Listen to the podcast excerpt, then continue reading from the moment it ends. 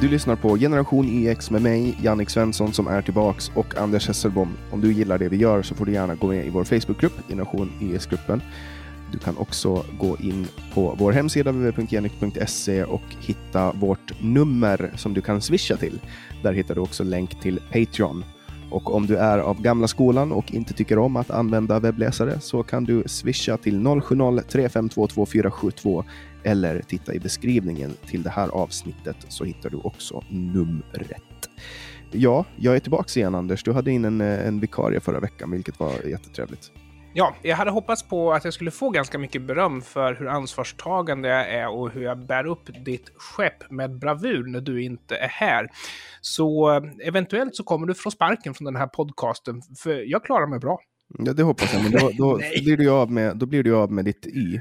Eller eh, X. Ja, vad och dessutom är. är det så. Jag är så oerhört tacksam för den research och alltihopa du gör. Jag, jag har skojat lite grann. Jag är väldigt nöjd med att samarbeta med dig och jag tycker att hade det inte varit för att du var så duktig på att hitta på ämnen så skulle jag stå mig slätt. Göra jobbet åt dig menar du? Ja, men eh, Roger var ju duktig och vi har ju säkert fler personer som skulle kunna vara intresserade av att vara vikarier, hoppas och tror jag. Så antingen om jag är borta eller om du är borta så tror jag nog att vi kommer att lösa det här. Men... Ja, the show must go on. The show must ja. go on, så att säga. Ja, vi, men ambitionen är ju att det är du och jag. Liksom. Ja, men det är, det är inte så att vi ställer in så här, det är inte så att vi ställer in ett avsnitt bara för att någon av oss är borta. Och det, det, det, det viktigaste när man poddar har jag Eh, kommit fram till är kontinuitet. De folk ja. ska veta när podden kommer så att de kan liksom planera in det. Eh, och det märker jag också i samtal att det är många som, som har det som sin torsdagsrutin att lyssna och också fredagsrutin mm. att de lyssnar. Det kommer på onsdagar och det är förhoppningsvis samma med Generation YX. Jag brukar få lite arga meddelanden på fredag morgon om jag glömmer publicera det på... För vi spelar ju alltid in dagen innan vi släpper det. Ja, vi vill eh. vara aktuella. Ja, och du satt i bilen på, på väg till Nynäshamn, va? var det inte så? Nej, jag satt i bilen på väg ner till Malmö. Jag körde fram och tillbaks till Malmö och okay. hade inte möjlighet att, att spela in helt enkelt. Mm. Det skulle inte ha blivit trevligt för lyssnaren så att säga. Nej, det var väldigt svårt att höra vad du sa när du ringde. Du satt väl i en brummig bil med handsfree och så, vad säger du? Va? Va? Vad säger du? Precis så. Men eh, det har ju hänt lite grejer eh, sen mm. sist. Och, och, det som jag egentligen ville ta upp förra veckan, det är ju alltså eh, Feministiskt initiativ och deras omdöme när det kommer till att välja partiledare. De har ju bytt, mm. de har bytt partiledare nu. Före det så hade de ju en Victoria Kevasa som blev dömd för misshandel efter att hon spöade upp en snubbe som hindrar henne från att eh, begå ett lagbrott när hon ville planka. Sen och även så blev hon ju fälld för plagiat också. Ja, plagiat, det var ju det också. Hon hade väl någon kurs i genusvetenskap på Södertörn som hon eh, hade tagit från någon annan. Då. Men nu har de nu valt en som heter Taysir Subhi. Subhi. Jag vet inte riktigt hur man ska uttala det, men hon hade ju då... Ja, hon hade ju för något år sedan planerat en trevlig sparresa till Auschwitz.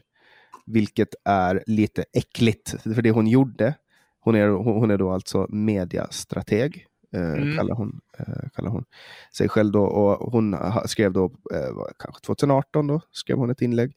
Jag har fått i uppdrag att projektleda en resa till Auschwitz i början av oktober, typ torsdag till söndag. Vi vill gärna kombinera resan med god mat och lite spa. Det är ju inte så Alltså, jag får väl ta henne i försvar där då. Eh, men det faller ju lite grann platt på att hon är just mediastrateg, för de borde veta bättre. Men jag tror också att det är nog inte alla som vet att eh, internet innebär att man publicerar saker. Så jag tror inte man tänker på att man ska vara så jäkla strategisk när man publicerar det här. Men om jag får försvara henne så kan jag ju bara läsa. Jag följde det här i realtid för vad kan det vara, två, tre år sedan när det här hände. Och jag kan konstatera att försvaret säger att nej, hon menar inte så. Hon menar oj, nu ska vi åka till Polen och besöka Auschwitz och minnas förintelsen. Och förresten, är det någon som kan tipsa om ett spa när vi ska chilla sen efteråt. Det var mer så. Det var inte så att ja, men nu ska vi sitta och spaa och njuta av förintelsen. Nej, men det fattar man ju också, men alltså, det är så här, jag, man, jag tycker man kan väl, man kan, alltså jag tänker så här, man kan gå lite in i en andaktlig stämning och kanske ja. inte förkovra sig om man ska gå genom en plats där tiotusentals, kanske hundratusentals människor, kanske miljontals människor har blivit mm. systematiskt mördade. Jag tänker att man i vördnad till det kan, alltså det är typ som att gå i partyhatt med sådana här anknäbbar och när man ska till, till begravning, alltså på en begravning. Man gör inte det. Man får, alltså, av vördnad. Liksom. Och jag får väl säga att jag spelar djävulens advokat, för jag tycker att även om det nu är så att man skiljer på det här, först oj förskräckligt med förintelsen, sen chilla, spa, god mat. Även om man skiljer eh, på det här så tycker jag att resan borde vara lite mer syftesenlig när man ska besöka en så pass historisk plats som det där ändå är. Och ännu värre. Om det nu är så att man egentligen mest bryr sig om spat och, och att slappa och chilla och sådär, varför lämnar man då inte bara Auschwitz utanför? Ja, men det, så här, det som hände sen då var att hon skyllde ju på att det var nazister. I en intervju med DN så sa hon att det var nazister som har misstolkat henne. Mm, ja, ja, eh, men det, var, det, det stämmer. Det, trots, trots att det då var eh, en journalist, eh, eller journalisten Negar Josefi, som uppmärksammade det här först, som då pingade henne och skrev Hej, hur går det med tjejresan? Auschwitz, god mat och spa. Visst är du riksdagskandidat för FI samt kommunikatör? Så Ja, men det här var i alla fall, det här var i alla fall ytterligare ett bottennapp av feministiskt initiativ som uppenbarligen, alltså de ligger, de ligger och dödsrycker. En annan Nej, de, de ligger ju med god marginal under 2,5 procents spärren. Och 2,5 eh, procents spärren är den som beviljar dig eh, partistöd. Men grejen är att hamnar du under spärren så åker du inte ut. Utan du måste hamna under den två val i rad. Det är inte som i riksdagen att hamna under spärren så åker du ut, utan du måste hamna under spärren två gånger. Och eftersom de hade promillen i valresultatet sist och kommer att få promillen i valresultatet nu, så är det ett uträknat parti. Feministiskt initiativ finns i ett drygt år till, sen är de döda. Mm, men jag hade en riktigt bra, jag hade en riktigt bra segway där. Förstört det. Yes, men jag, jag tänker att vi kan rädda den. Någon annan som uh, ligger i sina egna dödsryckningar, det är ju Fredrik Federley, som nu väljer att ställa upp i kyrkovalet. Men kollar man på hans Twitter-historik som många har uppmärksammat så har han ju mm. faktiskt hånat kyrkan fram och tillbaka. Ja, men eh, väldigt, väldigt aggressivt så går Johannes Klenell från eh, tidningen Arbetet ut och säger att man inte ska titta på historia. Man ska inte bry sig om vad folk har sagt förr. Och eh, min kommentar till det är, ja men det har du ju faktiskt rätt i, Johannes. Förutom när det är viktigt. och jag tror ju att det här ger ju en bild av honom, att han jag kan tänka mig att många tänker att han har blivit på nytt född och omvänd. Men för mig så förstärker det här bilden av att han gör det som faller honom in att är det så att han kan få eh, rädda sin karriär nu genom att eh, ställa upp i kyrkvalet så tar han ju såklart den chansen. Och jag tror alltså inte att han ligger i några dödsryckningar utan jag tror att han är på väg tillbaks. Folk gillar Federley. Gör de det? Man... Jag, gillar de någon som, någon som, alltså den här snubben som han bodde tillsammans med och lagade staket tillsammans med och så vidare och så vidare ha, ha, är dömd 22 gånger för våldtäkt mot barn. Ja, jag förstår inte riktigt eh, problemet för mig är det ett problem. För mig bidrar det till min bild av honom. Men är det så att man gillar personen så har man ju överseende med exakt den typen av saker du just be beskrev. Och jag tror att eh, tillräckligt många har överseende. Och Svenska kyrkan, nu är det ju deras tur att visa överseende för hans syn på religion och hans syn på kyrkan. Gillar de honom så kommer de att göra det och eh, jag gissar på att svaret är ja. Mm. Ja, överlever han det här fallet, då är han en riktig, riktig Vesna Vulovic. Vet du vem, blir... Ves, vet du vem Vesna Vulovic är? Nej, jag tänkte säga Johnny Bode-priset där, men det kanske han redan har fått. Jag vet inte. Nej, berätta. Vem är Vesna Vulovic? Jag har aldrig hört namnet vad jag vet. Hon kanske, hon kanske är död nu, men Men det här är alltså en helt sinnessjuk grej. Okej, okay, så Vesna Vulovic var alltså en flygvärdinna som jobbar på ett flygbolag. Nu får jag, nu får jag live-googla här. Yacht Flight 367. Okay. Det här var alltså den 26 januari 1972 så sprängdes... Det låter som en flyglinje snarare än ett flygbolag, men det är ett flygbolag du pratar om. Flygbolaget hette Yacht. Så där, ja, ja, men då så. Bra. JAT. Det var Serbiens nationella flygbolag. Bra. I alla fall då, den 26 januari 1972 så var det en bomb som detonerade på, på det här flyget som var, flög mellan Stockholm, alltså från Stockholm till eh, Zagreb. Och eh, planet gick i tu och kraschade i eh, dåvarande Tjeckoslovakien. Och det var 28 personer ombord, varav en person överlevde. Eh, oj, oj, vilket oj. var Vesna Vulovic. Oj, ja, mm. ja, jag tänkte nästan säga grattis, men det är väl kanske fel ord. Ja, det som hände var att hon föll 10 000 meter. Oh. 10 000 fucking meter flög hon ner i, genom luften. Och Det var alltså en serveringsvagn som pressade henne mot bakre delen av flyget, vilket gjorde att hon hölls kvar i, kroppen, alltså i flygplanskroppen utan att suga, mm. sugas ut. Plus att hon hade någon form av hon hade lågt blodtryck, vilket ledde till att hon klarade av det här eh, fallet. Nu ser jag också när jag live-googlar att hon har avlidit. Hon dog 2016. Mm. Men, men hon överlevde det här fallet på grund av att hon hade lågt blodtryck och, och lite annat. Uh, hon låg i koma i nästan en månad och sen vaknade hon, var halvkroppsförlamad men blev sedermera helt återställd. Åh herrejösses, ja det var att gratulera. Alltså att det är 10 000 meter, det spelar ju liksom ingen roll. För är det liksom mer än x antal meter så kommer ju din energi inte att fyllas på mer. Du, du har ju nej, nej, men alltså du, klar, du klarar inte av att andas. Och, nej, du kan inte nej, andas där. Du, har, du sugs ut ur flygplanet i normala mm. fall. Också, också ja. det här tryckförändringen är liksom för stor för att ja. kroppen ska klara av det det finns många olika saker som gör att hon borde ha dött, men hon mm. överlevde. Mm. Nej, alltså man fascineras av sånt där. Jag tänker ibland på den här killen som hoppade fallskärm och inte lyckades eh, veckla ut den. Och han överlevde ju också tack vare att han hade hjälm. Höjden där spelar ingen större roll, för du kommer till en gräns där du inte får högre fart. Men totalförlamad, men eh, lever ett hyfsat värdigt liv ändå, liksom med tanke på att han har rätt förutsättningar med teknik och vänner och alltihopa det där. Och han la ut eh, filmen från sin eh, hjälmkamera på YouTube, den jäkla killen. Men det gjorde ju andra sidan att jag kan vakna upp mitt i natten med ett ryck för att jag drömmer om det där eh, att eh, hoppa fallskärm är någonting som jag aldrig i hela mitt liv tänker göra. Ett segelflyg gärna, eh, luftballong gärna. Men jag kommer knappast heller att hoppa fallskärm. Jag tycker att det är lite obehagligt. Men, men ja. vi, har ju drag, vi har ju dragit sådana här skränor tidigare i, i podden. Visst berättade jag väl om, om den här sovjetiska le läkaren förut, Leonid Rogosov, som opererade ut sin egen blindtarm. Ja, just det. Det berättade du. Ja, Hugaligen. Det är också så här, vad fan. Är Men då är man badass liksom. Ja, det var en bad, man är född i Sovjet. Ja, på tal om att operera ut sina egna blindtarmar. E-cigg får inte smaka godis och tobaksfritt snus får 18 års åldersgräns. Eh, jag, har ju, jag har ju länge då stått på barrikaderna för att eh, e-cigaretter ska vara tillåtet. Eh, men man motarbetar det från EUs håll. Det här är alltså det bästa sättet för rökavvänjning som finns.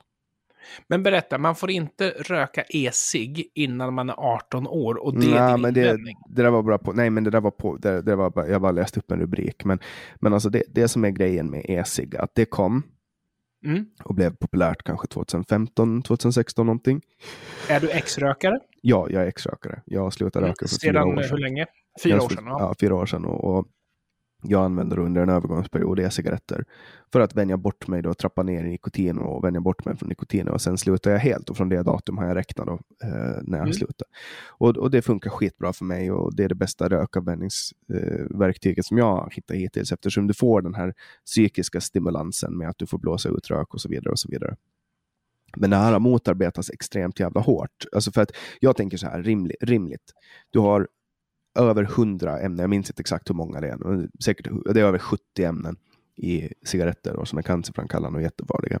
Och i e-cigaretter så har det liksom tre komponenter. Det är vattenånga, det är smak och det är nikotin. Så det, det är liksom Borde inte det innebära att det är en högre koncentration av nikotin? Eller? Du, du, kan ju koncentrera själv. Du får ju bestämma hur mycket nikotin du vill ha när du köper nikotin. Men mm. det, är inte, det är inte de här tre sakerna som är farliga. Så här, du, får, du får själv liksom bara på magkänsla säga vad är farligast? 70 stycken förbrända cancerogena ämnen eller vattenånga mm. eh, och smak och nikotin.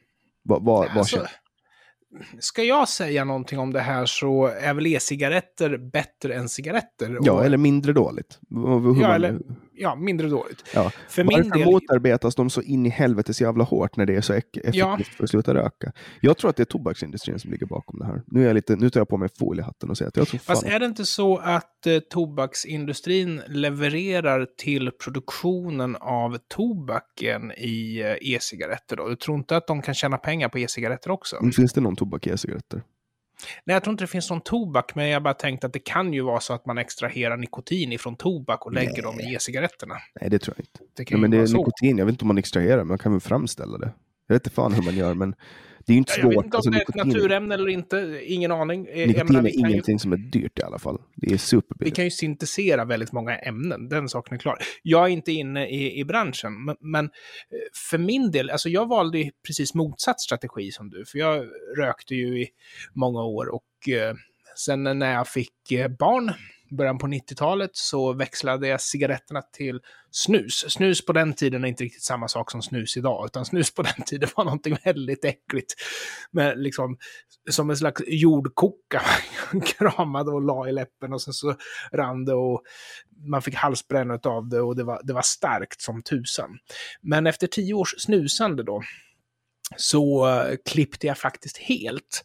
Och eh, ja, det var väl, tog väl två, tre dagar innan eh, abstinensen la sig. Men den mentala, liksom just det här att man saknar någonting, den var stark och eh, den höll i sig länge.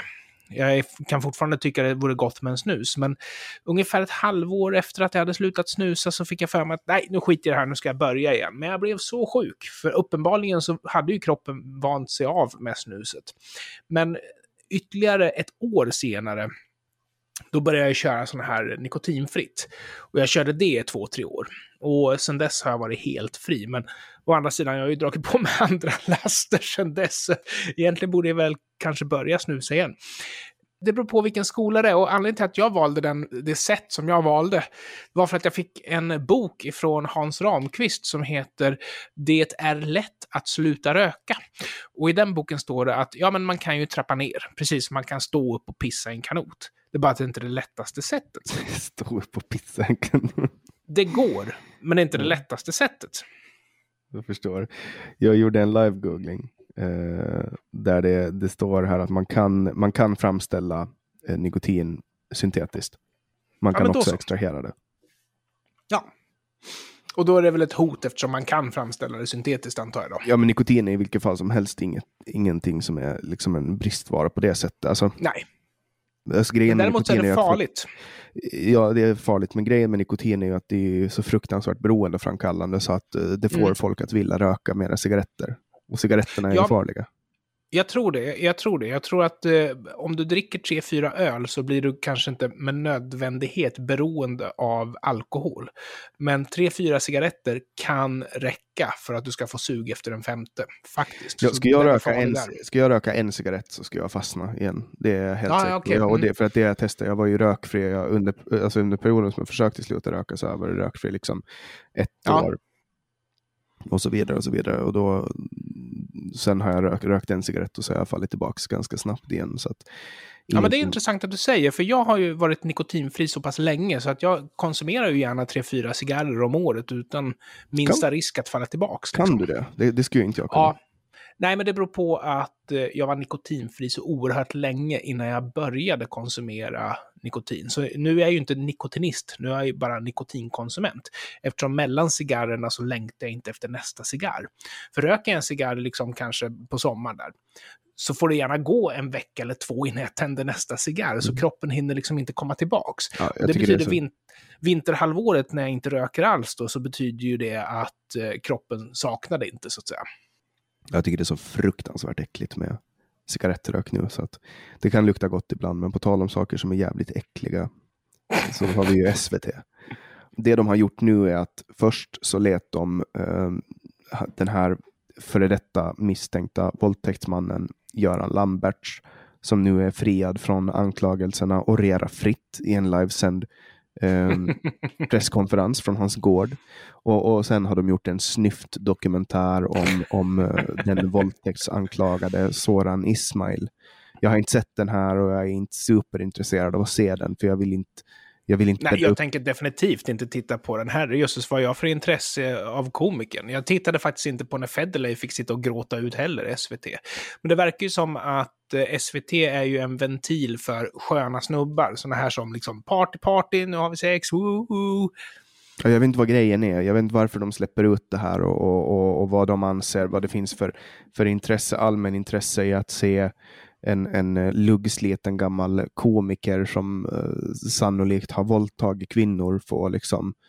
Eh... Ja, alltså även om vi tänker oss att komikern är helt oskyldig rent juridiskt, så eh, jag menar, jag känner ju tillräckligt många personer för att kunna säga att eh, moraliskt är han ju definitivt inte oskyldig någonting. Och eh, det finns dessutom andra saker som han har gjort som kanske är så pass graverande att inte ens media vill ta upp det. Så eh, jag menar, vad har SVT för intresse av honom? Och jag förstår det här med han teaterchefen som tog livet av sig, att man vill vara lite så här, ja men nu ska vi vara på männens sida här, nu ska vi vara modiga och ta männens parti och så där. Men det är ju skillnad. Det är ju skillnad.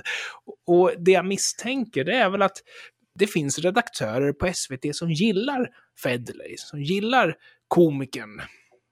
Alltså, det är det som ja, är problemet tänker... med objektiv media, det är att den är bara objektiv för den som också har samma åsikter som den som säger sig vara objektiv. Men kan det vara så att, att, att SVT vill, vill eh, rent få Soran Ismail eftersom han var liksom media-Sveriges sanningsvittne mot eh, Erik Almqvist och Kent Ekeroth den här natten eh, mm. under järnrörsskandalen. Jag tror att det har nog bidragit till att han är en av deras favoriter, för eh, han var ju väldigt populär just för att han angrep eh, Sverigedemokraterna så pass mycket. Och han var ganska modig när han gjorde det.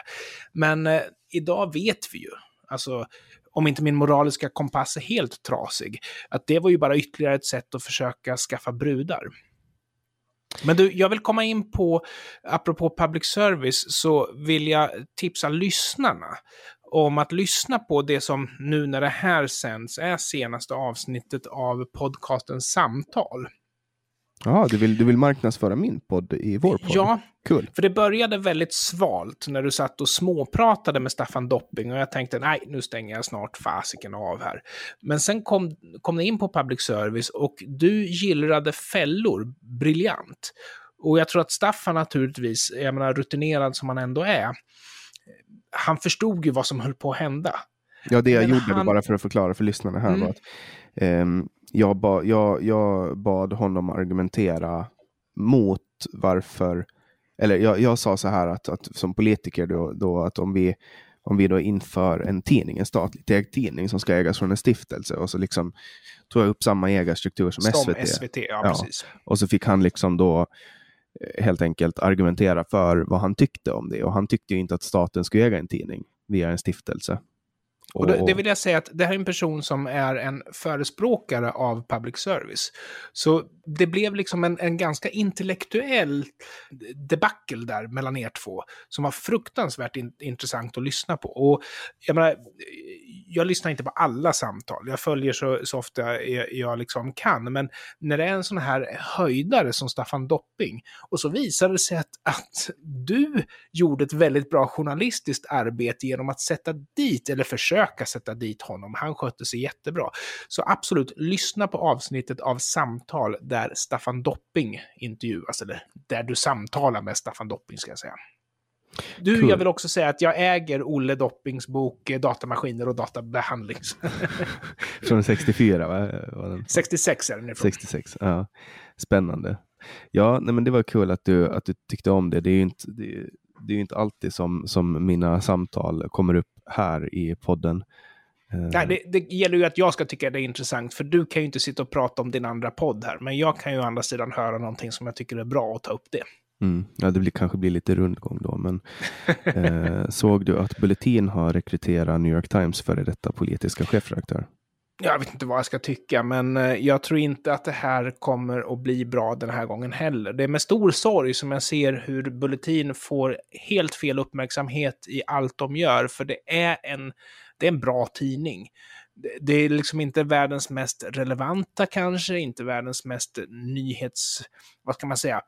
De står liksom mer på barrikaderna, men just det gör de väldigt, väldigt bra tycker jag. Men risken är att de här bulletin kommer att marginaliseras och att det kommer att bli surt att betala ut löner till slut om de inte lyckas vända det. Jag, tr jag tror att bulletin kommer att överleva. Ja, jag tror också de kommer att överleva. Men jag tror inte riktigt att de kommer nå de höjder som jag själv trodde att de skulle nå från början. Och jag var ju en av de som var väldigt glad över eh, Arpi och Teodorescu. Jag tyckte det var bra rekryteringar, men det var ju de som åkte ut först. Liksom. Ja, men de, jag tror att de kastar ut sig själva lite. Um, alltså, jag, jag, tror att, alltså för nu har ju de också då Bulletin rekryterat Pelle Zackrisson från Nyheter idag. Oj, nu kommer en öl. Ja. ja, en öl till. Ja. Var det inte du som berättade någonting här före vi spelade in? Ja, jag, jag har fått eh, ålagt mig av eh, läkaren att eh, halvera min alkoholkonsumtion, att börja motionera och att helt stryka charkuteri. Men eh, eh idag är en dag där jag unnar mig ett par öl. Ja, herregud. Det, det, där, det, det där är ju... Oh. Ungdomens förfall tänkte jag säga. Boomers ja, visst är det så. Tänk att bli ordinerad av en läkare att, inte, att, att sluta dricka öl. Då hade det gått för långt, Anders. Ja, men eh, den diskussionen eh, tog vi faktiskt upp och han sa att eh, du aldrig funderat på att sluta dricka. Så, nej, sluta leva. Liksom, nej. Så, ordinera vad som helst, men ordinera inte det. För om det är så att du ordinerar någonting som jag åtminstone är intresserad av själv att följa, och sen om ett halvår så kommer jag bli kallad på en ny tid och så kommer vi ta nya mätvärden så ser vi om vi är på rätt väg. Men min plan är att inte dö. Det är min plan. Mm. Ja, vi får hoppas på att, att Bulletin inte dör nu när de då, jag tänkte bara säga klart om Pelle Zackrisson, att han är ju ja. en han är ju en mycket rutinerad nyhetschef. Han har jobbat på Nyheter idag, Jean Fricks lilla eh, tidning där. Och, och Jean verkar inte alls vara irriterad över att eh, Pelle Zackrisson har blivit rekryterad dit. Han verkar nästan vara lite glad över det. Ja, men vad betyder det då? Ja, att han, att han unnar att han unnar sina anställda att nya anställningar antar jag. ja, jag vet inte. Alltså, om man eh, verkligen kände att han behövde så skulle han väl vara lite kränkt antar jag. Jag, menar, jag vet ju hur det låter på företag när en person som verkligen kan dra in pengar och verkligen attrahera kunder får för sig att gå till ett annat ställe. Då blir det nej för fasiken, vi dubblar din lön, vi gör vad som helst. Mm. Ja, nej, men jag frågar Jean Frick om han nu ska rekrytera Ivar Arpi som redaktionschef. Um, så att vi får se. hur roligt ska inte det vara om Ivar Arpi gick till nyheter idag? jag tror inte Ivar Arpi är så intresserad av den sortens media om jag ska vara ärlig. Ja, han gick ju med Bulletin. Frågar du vänstern så är det ju samma skrot och korn. Ja, det syns ju på valet av teckensnitt på logotypen. Samma som New York Times för övrigt då har. ja, men de är nazister. Jag är ganska va, trött va på hela den med, ja, ah, vi, vi, vi går inte ens in på det. Vi kan väl prata om Gud istället. Ja, ska vi prata om Gud? Vi kan väl prata om Gud ja, vi, vi, vi, kan prata om jag, kan, jag, kan väl, jag, kan, jag vet inte om du har hört det, men jag har ju gått ut offentligt med, att, eh, med min LSD-tripp som jag gjorde för uh, över fem år sedan, då den är preskriberad. Ja, berätta. Ja.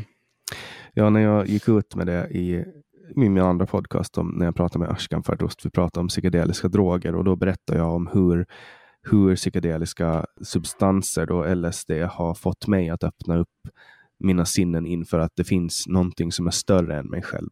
Eh, vilket eh, i förlängningen ledde till att jag lyckades sluta dricka alkohol och använda narkotikaklassade mediciner. En zebra är större än vad du är. Ja, till exempel. Men alltså, jag vet inte hur jag ska förklara Nej. eh, hur, hur alltså för att jag, jag levde ju ett, ett miserabelt liv. Jag klarar inte av att leva med mig själv.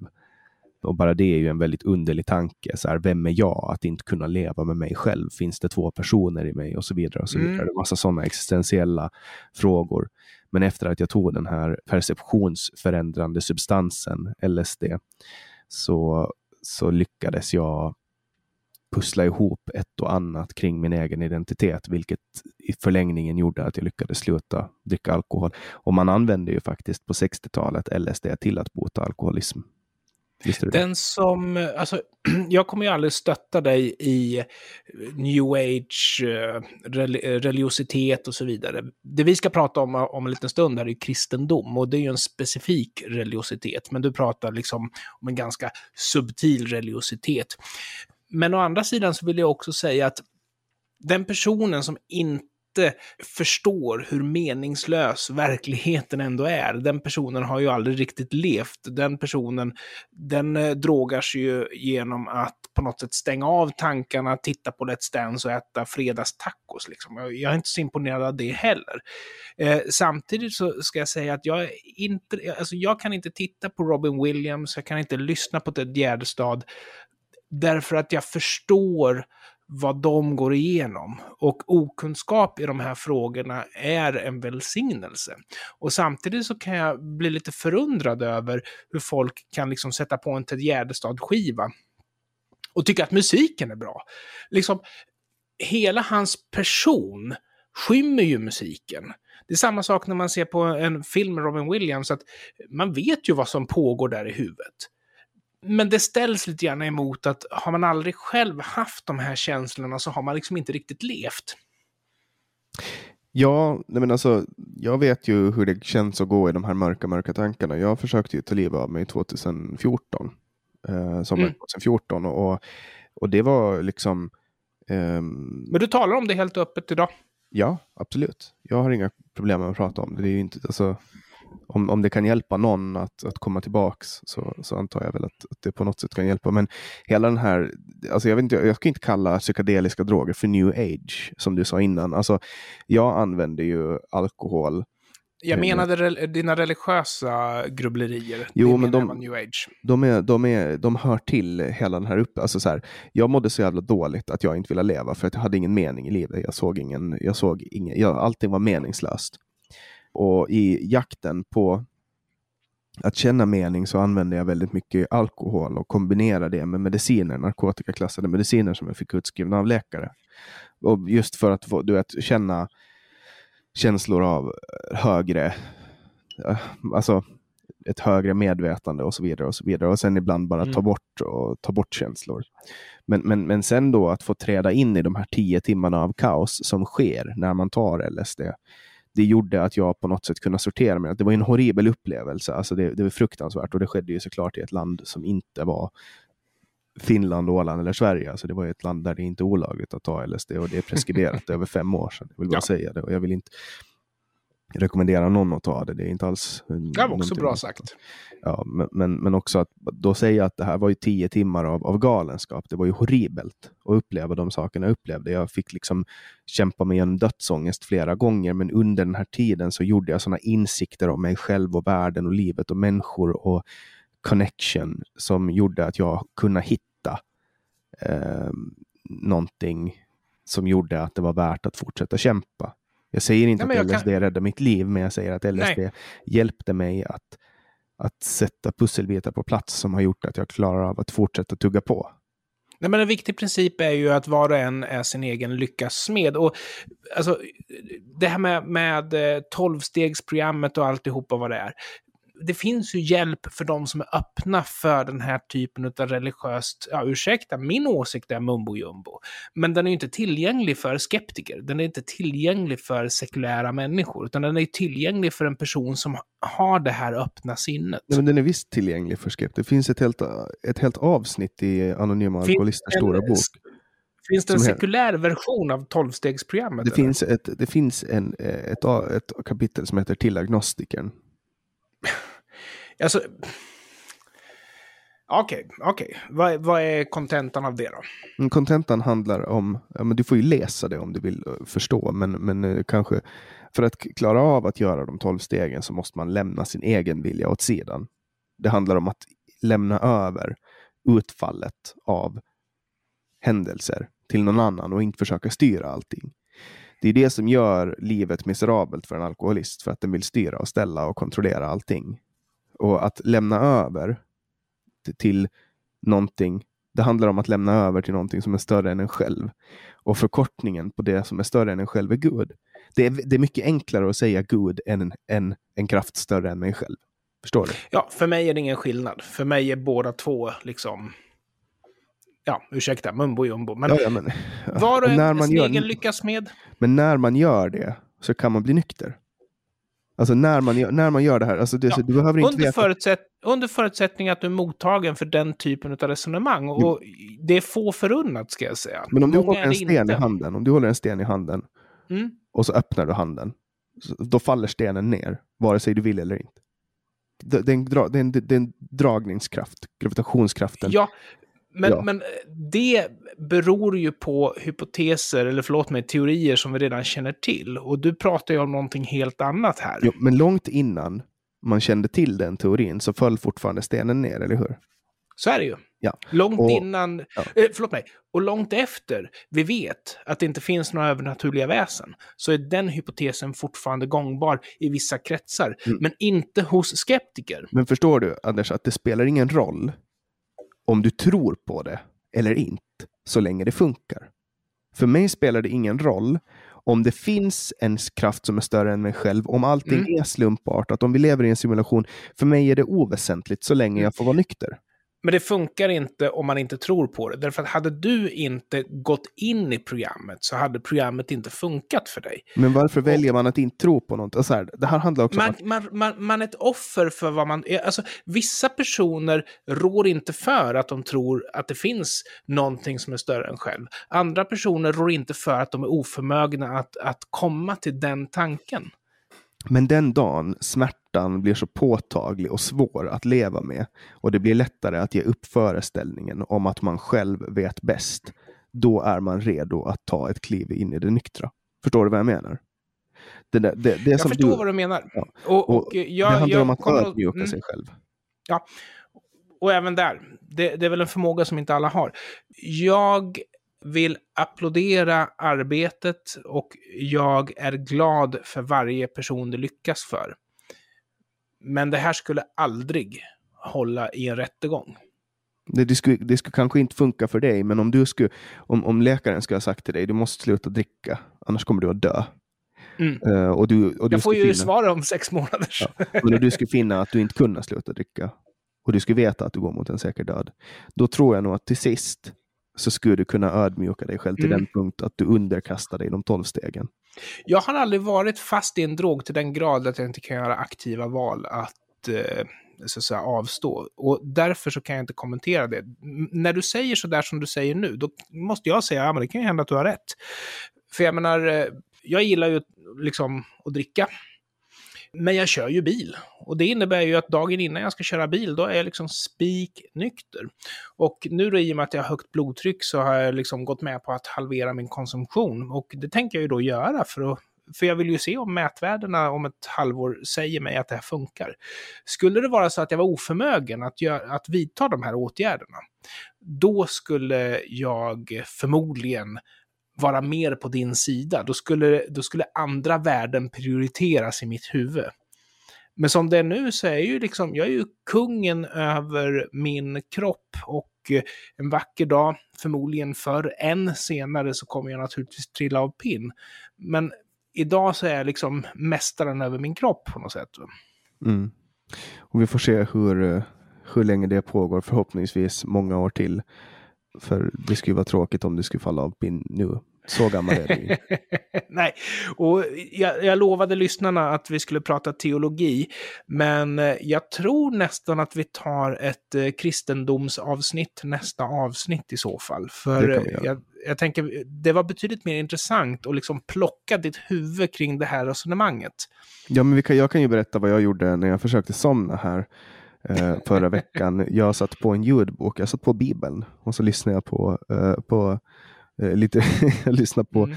först Matteus evangeliet eh, och så somnade jag till den och nästa gång jag ville somna så lyssnade jag på eh, Romarbrevet. Och det är lätt att somna till.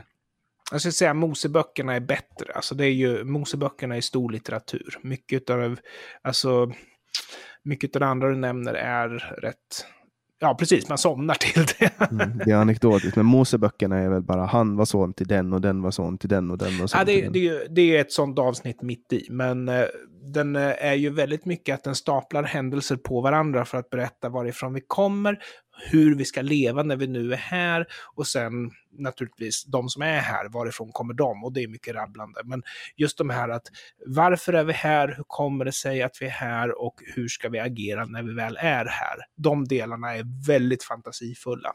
Mm. Det är en mm. inblick i en annan tid. Ja, nästa gång jag ska somna till någonting så kan jag somna till eh, Moseböckerna. Du som har lyssnat på det här har lyssnat på Generation EX med mig, Jannik Svensson och med Anders Hesselbom. Och du får som sagt, som jag sa i början, jättegärna stödja det här projektet och det kan du göra på patreon.com genyx eller genom att swisha till nummer 0703522472. Länkar och nummer hittar du i beskrivningen till det här avsnittet eller på vår hemsida www.genyx.se. Du får också jättegärna gå med i vår Facebookgrupp Generation EX-gruppen. Länk hittar hittar du på hemsidan genyx.se. Tack för denna gång, Anders. Tack så mycket Jannik och eh, tack lyssnarna för att vi fick vara lite personliga med er. Vi hörs om en vecka. Hej då!